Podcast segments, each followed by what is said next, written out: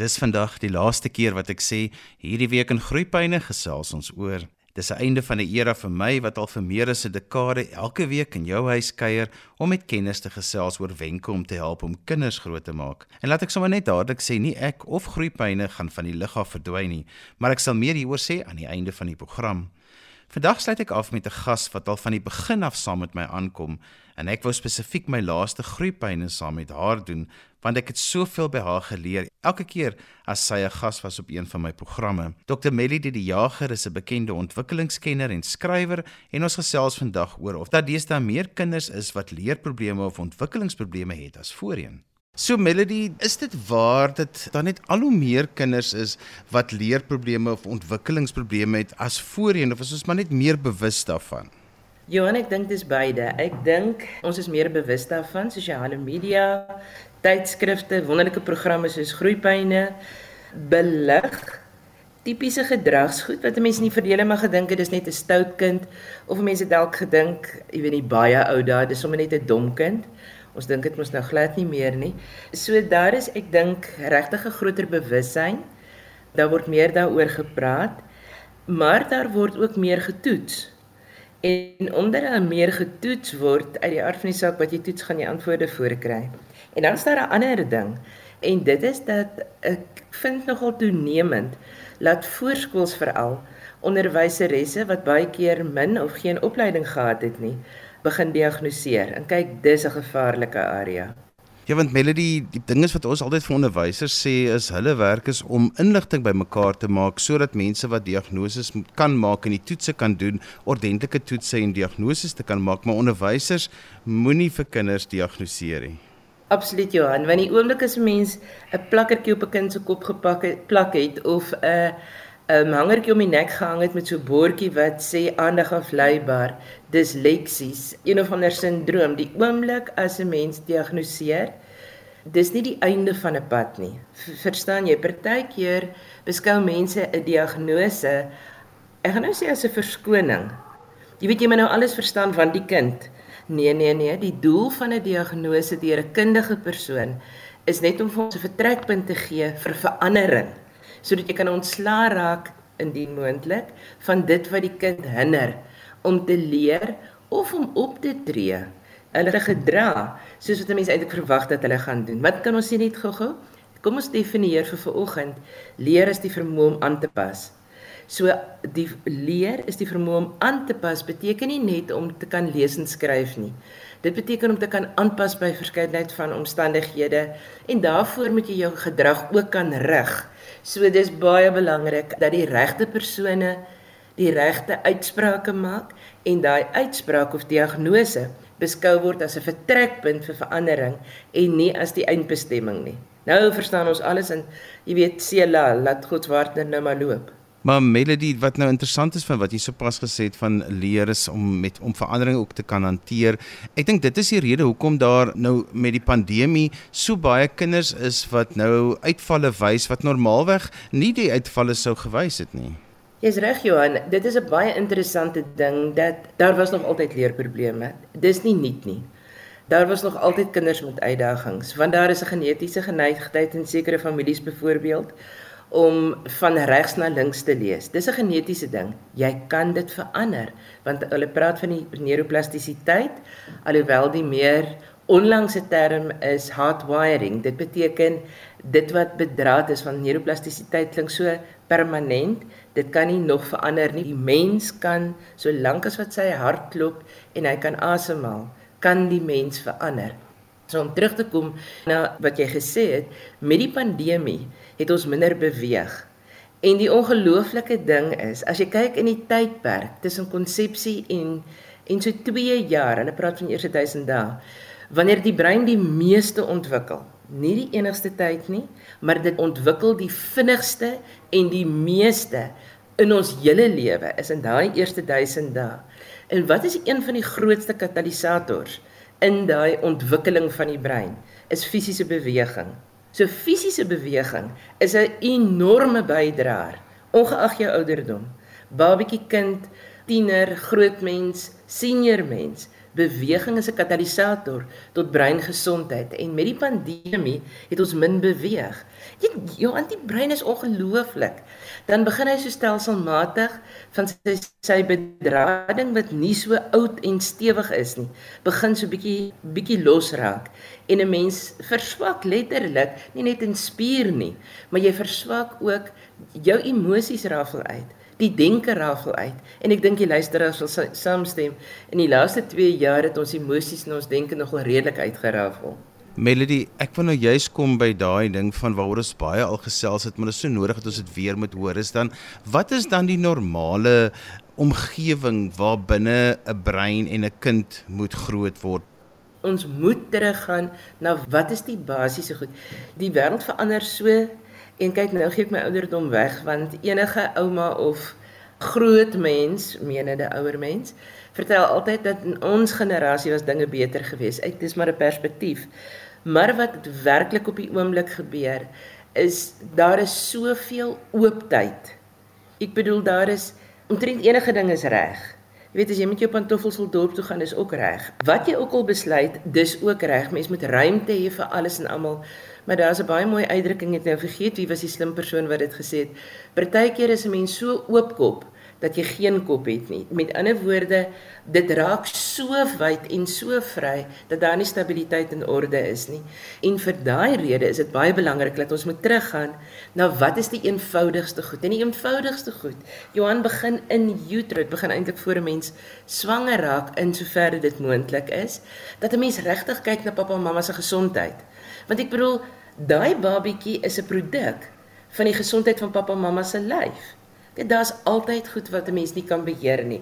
Maar ons ons praat nou net van die omgewing en goed waaroor ons wel beheer het. Mens redelike mate van beheer oor jou eie gesondheid, oor jou fiksheid, oor die suurstofvlakke in mamma se lyf, want as sy nie die hele dag lê, baie keer met 'n mamma lê om 'n swangerskap te behou, maar dis nie ideaal nie. Ons praat nou van neurotipies wat beteken die ideale omstandighede is dat 'n mamma aktief is, 'n gewone lewe lei, want soos wat sy asemhaal, so haal haar baba asem, soos wat sy beweeg, so beweeg haar baba, so sy voel, so voel haar baba. So dis ontsettend belangrik dat ons aandag gee aan swangerskap, baie meer aandag gee, geboorte. Die manier van geboorte is belangrik en 'n veilige geboorte is die belangrikste. Maar mens moet altyd gaan kyk, wat was die doel Die ontwerp van die vrou se liggaam lei spontaan tot 'n sekere soort geboorte. Dis belangrik dat ons dan aan aandag gee. Daar's baie navorsing daaroor gedoen en dit wys vir ons dat wanneer daai babatjie deur die geboortekanaal beweeg, daai kontraksies is drukkies. En as 'n babatjie uitgemis het op daai drukkies, gaan pappa en mamma baie drukkies moet gee en waarskynlik 'n ruk kangaroo keer sodat baba vel op vel naby mamma en pappa want mamma is soos 'n veilige hawe, pappa is soos 'n brug na die wêreld daar buitekant. So dis belangrik dat 'n kleintjie naby is en dat 'n kleintjie genoeg beweeg tydens swangerskap saam met mamma en dan direk na geboorte As die baba op drukkies uitgemis het, het die baba nog meer drukkies nodig. As babatjie nie uitgemis het op drukkies tydens geboorte, kontraksies nie, dan daai babatjie ook baie drukkies nodig want dis deel van menswees. Ons is deel van die soogdiergroep. Gaan kyk wat maak soogdiere. Hulle hang saam. Hulle klim op mekaar. Hulle stoei. En dis presies wat moet gebeur in 'n huis met 'n kleuter. So stil sit voor 'n TV, is dit taboe vir 'n kind onder die ouderdom van 2. Ja, ek weet mense moet prakties wees as dit reën en 'n klomp ander goed, maar wat het gebeur in die jare voor TV? Kinders het gespeel. Johan, een van die grootste probleme is dat ons kinders nie meer kan speel nie. Ons kinders het passief geword weens omstandighede. Ons kon nie baie rondbeweeg nie, maar in die laaste 2 jaar was dit baie baie meer so. So hulle wag die hele tyd eintlik om die Engelse woord is entertain om beïndruk te word met 'n klomp mooi gekleurde goed wat 'n gewone mens nie kan doen nie. Maar dis nie die doel van kind wees nie. Dis wanneer daai kind beweeg en speel en daar's tyd en hier's goed in my omgewing. Solank as wat 'n kind tyd het en goed in hulle omgewing en van daai goed kan ander mense ook wees of troeteldiere, is daar 'n oombliklike geleentheid vir breinontwikkeling. En dis wanneer die kind begin analiseer. Wat is hier? Wat het ek? Wat kan ek daarmee doen? Wat is hier? Wat het ek linkerbrein? Wat kan ek daarmee doen regterbrein? En dan kom die planne en dan werk die plan en dan analiseer hulle die plan. Verstaan jy? Speel noem um, Albert Einstein navorsing. Hy sê dis die hoogste vorm van navorsing wat 'n kind kan doen. So kinders moet meer speel. Kinders moet sensories, nie net kinders nie, 'n baba, 'n kind, 'n kleur, 'n kleuter, 'n kind, 'n tiener, 'n groot mens, 'n senior. Ons moet baie meer sensories betrokke word, wel teenwoordig wees in ons omgewing sodat ons kan voel en ruik en sien ook en luister, maar nie net sien nie, want ons begin al hoe meer kyk. Dis een van die baie groot probleme wat aanleiding gee tot leerprobleme is die tekort aan beweging en die swak luistervermoë en daarom taalvermoë van kinders. Ons is nie betrokke fisies betrokke waar die sensories kan aanraak. Beweging is 'n vorm van sensoriese terugvoer van jou lyf af. En dan om te kan ryk en proe. Ek sê altyd as kyk genoeg is, dan kan ons restaurant toe gaan vir die mooi prentjies op die spyskaart kyk, betaal en dan huis toe gaan want dit behoort dan genoeg te wees. Maar dit is nie hoekom? Want ons is 'n mens en ons menswees sê ons het multisensoriese ervarings nodig en dit kan jy nooit doen sonder beweging nie. So ons moet teruggaan na die eenvoudige goed toe. Melody, die ander ding wat ek tog graag wil hê ons moet aanspreek is daardie eerste taalontwikkeling van kinders waar die ma met die kind motheries praat en dit is iets wat vir my so belangrik is en ek dink nie daar's genoeg fokus daarop oor hoe belangrik dit vir kinders is nie. Soos altyd Johannes jy reg. Jy sien wanneer 'n mamma 'n pappa doen dit ook, maar 'n mamma spesifiek en dis hoekom ons van moedertaal praat want moedertaal begin nie by geboorte nie. Moedertaal begin in utero wanneer daai babatjie blootgestel word vir 9 maande of so lank as wat die swangerskap duur. Elke oomblik van die dag as mamma praat, word 'n baba blootgestel aan mamma se taal. En dis hoekom ons dit mamma taal of moedertaal noem. So motheries is 'n voortsetting daarvan. Die baba se oorstel reeds in utero in op die mamma se oor. Jy moet onthou, elke taal werk omtrent soos 'n radiostasie. So die oor skakel in. Dis hoekom baie mense ons sê hulle het 'n oor vertale want hulle skakel maklik in 'n wye verskeidenheid tale in. Maar party mense se ore ehm um, skakel nie so maklik in nie. Maar elke baba hoor 'n mamma se taal baie goed. En wanneer die mamma dan na geboorte met 'n baba praat, praat hulle tipies: "Ag jou my liefie, hoe gaan dit vandag met jou?" Dis 'n hoë vinnige taal en dit gaan op en af want dis presies wat die baba se oor op kan fokus op daai ouderdom. Dis ouderdom gepaste taalontwikkeling want in utero kom die klank via beengeleiding maar ook via die klankgolwe En daai klankgolwe beweeg deur die amniotiese vloeistof. Wanneer die baba gebore is, is die baba nie meer in amniotiese vloeistof nie. Daar's wel in die begin nog 'n bietjie vloeistof in die oor. So dit is nog steeds bietjie gedemp, maar die oortjie begin dan reeds instel, nie net oortjie nie, beide. Begin instel op die taal, op die klankstelsel van 'n master. Hulle leer spelreëls, uh, nie nie spel soos in bak bak nie, maar die taal en spel, hoe hoe praat mense taal deur te luister en die ritme van 'n mamma se praat help die baba se oor om in te stel en die taal frekwensie te hoor wat daai klein ding gaan leer om later aan pragtig te praat en dis baie belangrik veral met ons land waar lees so 'n groot uitdaging is. Jy moet goed kan luister en praat voordat jy kan skryf en lees. Melody bring my by 'n baie belangrike aspek uit want die groot uitval vir my met kinders se ontwikkeling veral om hulle gereed te kry vir formele leer is juist daai luistervaardighede en ek dink ouers kan 'n baie groot rol speel daar om dit van jongs af by kinders te ontwikkel. Johan, jy's reg. As jy enige onderwyser, jy kan enige ouer vra, maar as jy enige onderwyser of onderwyseres vra, dan sê, "Wat is die grootste uitdaging?" Dan gaan hulle vir jou sê, "Die kinders luister nie." Ja, dit is waar, maar daar's eintlik nog 'n kwalifikasie wat bykom. Die kinders luister nie die eerste keer nie. Goeie griet, hulle luister partykeer glad nie, maar party van hulle luister net as die desibels in iemand se stem omtrent hier deur die dak gaan, dan begin hulle eers aandag gee. So luister is 'n ongelooflike belangrike vaardigheid en dit moet van kleins af aangeleer word. En ouers moet vir 'n kind leer. Jy moet luister as dit praat, maar dan moet ouers ook nie net woorde gebruik soos blare wat fladder in die herfs nie. Ek bedoel jy moet bedoel wat jy sê. As jy nie bedoel wat jy sê nie, moet dit nie sê nie. As jy nie bedoel die kind moet nou gaan bad nie, moenie sê gaan bad nie. As jy wil hê die kind moet nou gaan bad, dan sê jy vir die kind gaan bad.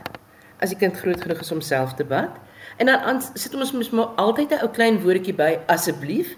Nie omdat jy die kind smeek nie, alhoewel baie ouers nou so da klink vir my of hulle kinders smeek om alles te doen. Hæ? Ons sit die asseblief by omdat ons vir 'n kind goeie maniere wil leer. Want dis die ander ding waarmee kinders verskriklik sukkel, is luistervaardighede en goeie maniere. En 'n mens het 'n tydsgrens daaraan. So 'n kind luister as hulle hoor, maar my ouers of die persoon wat met my praat, bedoel wat hulle sê en hulle bedoel dit nou. Ons praat te veel soos fladderende herfsblare wat net dis woorde in die lug en niemand gee aandag nie. Nee, nee. Praat as jy dit bedoel en bedoel wat jy sê en dit gaan outomaties 'n kind help om ingestel te wees op wanneer sê gee jy 'n opdrag, wanneer is dit 'n versoek tot 'n gesprek? Want gesprek Johan, ons is mense en jou menswees vra mamma, pappa, gee my jou tyd kyk vir my, sien my raak, nie die hele dag nie.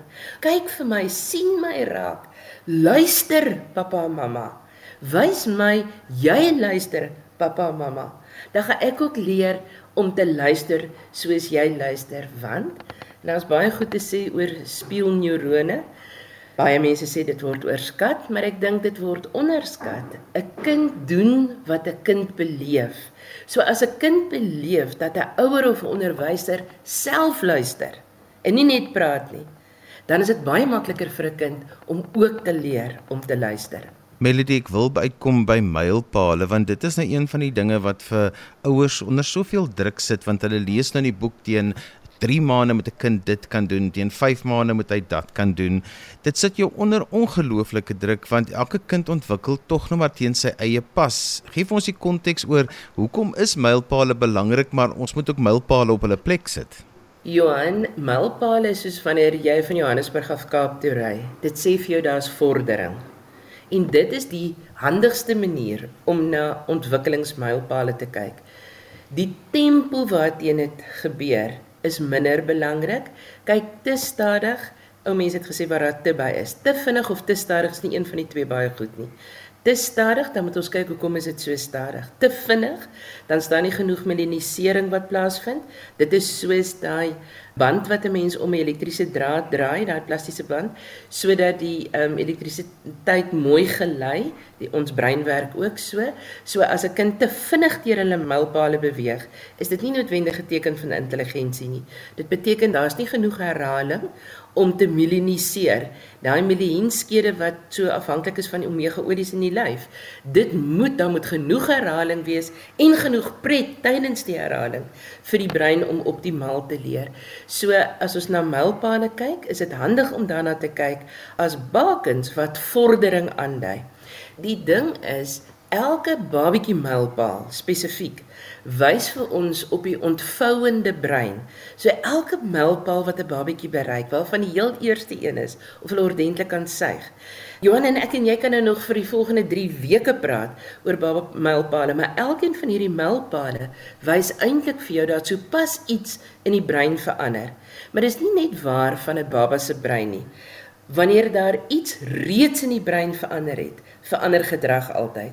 En baba se mylpare metodiese mylpare is net 'n baie duidelike manier daarvan. Skoolgereedheid En wanneer ons kyk na uh, iemand wat opgelei is en kundig is, wat 'n kind toets vir skoolgereedheid, hulle sê vir ons, hier is seker mylpale wat nie bereik is nie. Met ander woorde, daar's sekere dele van die brein wat nog nie optimaal ontwikkel is nie en daarom bereik 'n kind nie 'n mylpaal nie. Melody, ons is aan die einde van groeipyne. Jy as ma, nou ouma, as jy nou moet dink die vyf goedjies wat jy dink, ja, dis wat ma's en oumas moet weet en moet ophou en ook eintlik moet weet van kinders. Wat sal daai vyf dinge wees? Die eerste een is dankie Johan van Lille. vir ek weet nie hoeveel jaar se uitmuntende groeipyne. Ag nou wil ek sommer huil Johan. jy het soveel kinders in die tydperk wat jy by groeipyne was, se lewens verander omdat jy deur hulle oupas, hulle oumas, hulle mammas, hulle ooms en hulle tannies, vriende, hoe ook al, deur te luister mense ingelig het om te weet daar's goed waarvoor 'n mens moet uitkyk, daar's goed wat 'n mens moet doen en daar's goed wat 'n mens eenvoudig net moet uitlos. So, wat moet mens doen? Aanhou terugluister na hierdie vorige pot gooi. Die ander ding, as ons nou regtig 5 ander goed, jou kind is 'n mens. sien jou kind raak. Tyd, oogkontak, vat aan jou kind. As jy een ding wegvat van hierdie program vandag, is vra vir jouself as ek vanaand my kind in my in sy of haar bed lê, was jy naby genoeg vir lank genoeg dat jou kind onthou hoe jy vandag geryk. Dis as jy een ding wegvat, is dit belangrik. Naby genoeg vir aanraking, vir saamdoen, vir oogkontak, vir gesprek, want praat met my is die tweede ding. Praat met my, luister na my eintlik luister na my en praat met my. Ja, gee my goeie kos. En nie altyd die kos waarvoor ek lus is nie. Kos is deel van die boustene van die brein. Maar gee vir my kos wat vir my gesond is. As ek nie 'n ouer nodig gehad het nie, het ek nie enige gehad nie. Maar ek het 'n ouer nodig wat beter keuses maak as wat ek as kind wil maak. So as ek dit nie daarvan hou nie, beteken dit nie ek moet nie leer om iets te eet wat vir my goed is nie. Dis 'n onderwerp op sy eie. Speel, speel met jou kind. Laat jou kind toe om te speel. Vergeet van al hierdie goed wat so geassesseer en verslaaf voorkry. Laat jou kind speel. Lees vir jou kind stories. Want hy lees vir jou kind stories stimuleer kreatiwiteit wat jou kind help om te speel. Kinders moet weer leer om te speel. En stories ontwikkel nie net 'n kind emosioneel nie. Hulle ontwikkel 'n kind se kreatiwiteit die hoogste vorm van leer as wanneer daar kreatiwiteit is.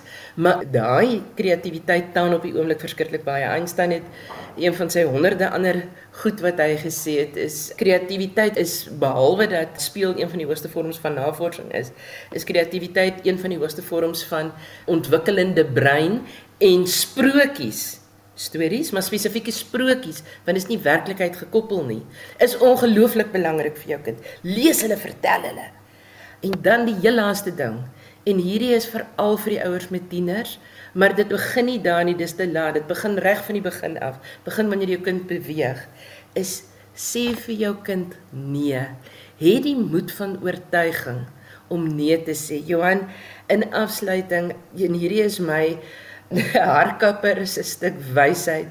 Paar jaar terug, want sy was saam met my kinders op skool, en ons het gepraat oor hoe 'n streng ouer was ek op pyn en nie alie. Maar sy het die mooiste ding gesê. Sy sê vir my tannie, ek wens iemand het vir my genoeg omgegee om vir my nee te sê. Dit was in my lewe een van die ongelooflikste parels van wysheid wat ek by 'n kind gekry het wat uit 'n kinderhuis gekom het. Sy het in die kinderhuis geland want daar was niemand wat genoeg vir my omgegee het om vir my nee te sê nie. So Johan, Mag ons in ons kinders se oë kyk, mag ons naby hulle sit, dat ons mekaar ryk. Mag ons saam doen, saam speel, want saam speel kom saam praat en saam speel en saam praat ontwikkel die kind in totaliteit. En dan die moed van die oortuiging om nee te sê wanneer dit genoeg is. En so gesels Dr. Melody de Jager, bekende ontwikkelingskenner en skrywer. Melody, as mense met jou verder wil gesels, hoe kan hulle met jou kontak maak? Die maklikste manier is op Facebook Mind Moves of Baby Gym of skoolgereedheid. Daar's 'n Afrikaanse blad ook en dan anderstens 'n e-posadres is institute@mindmoves.co.za.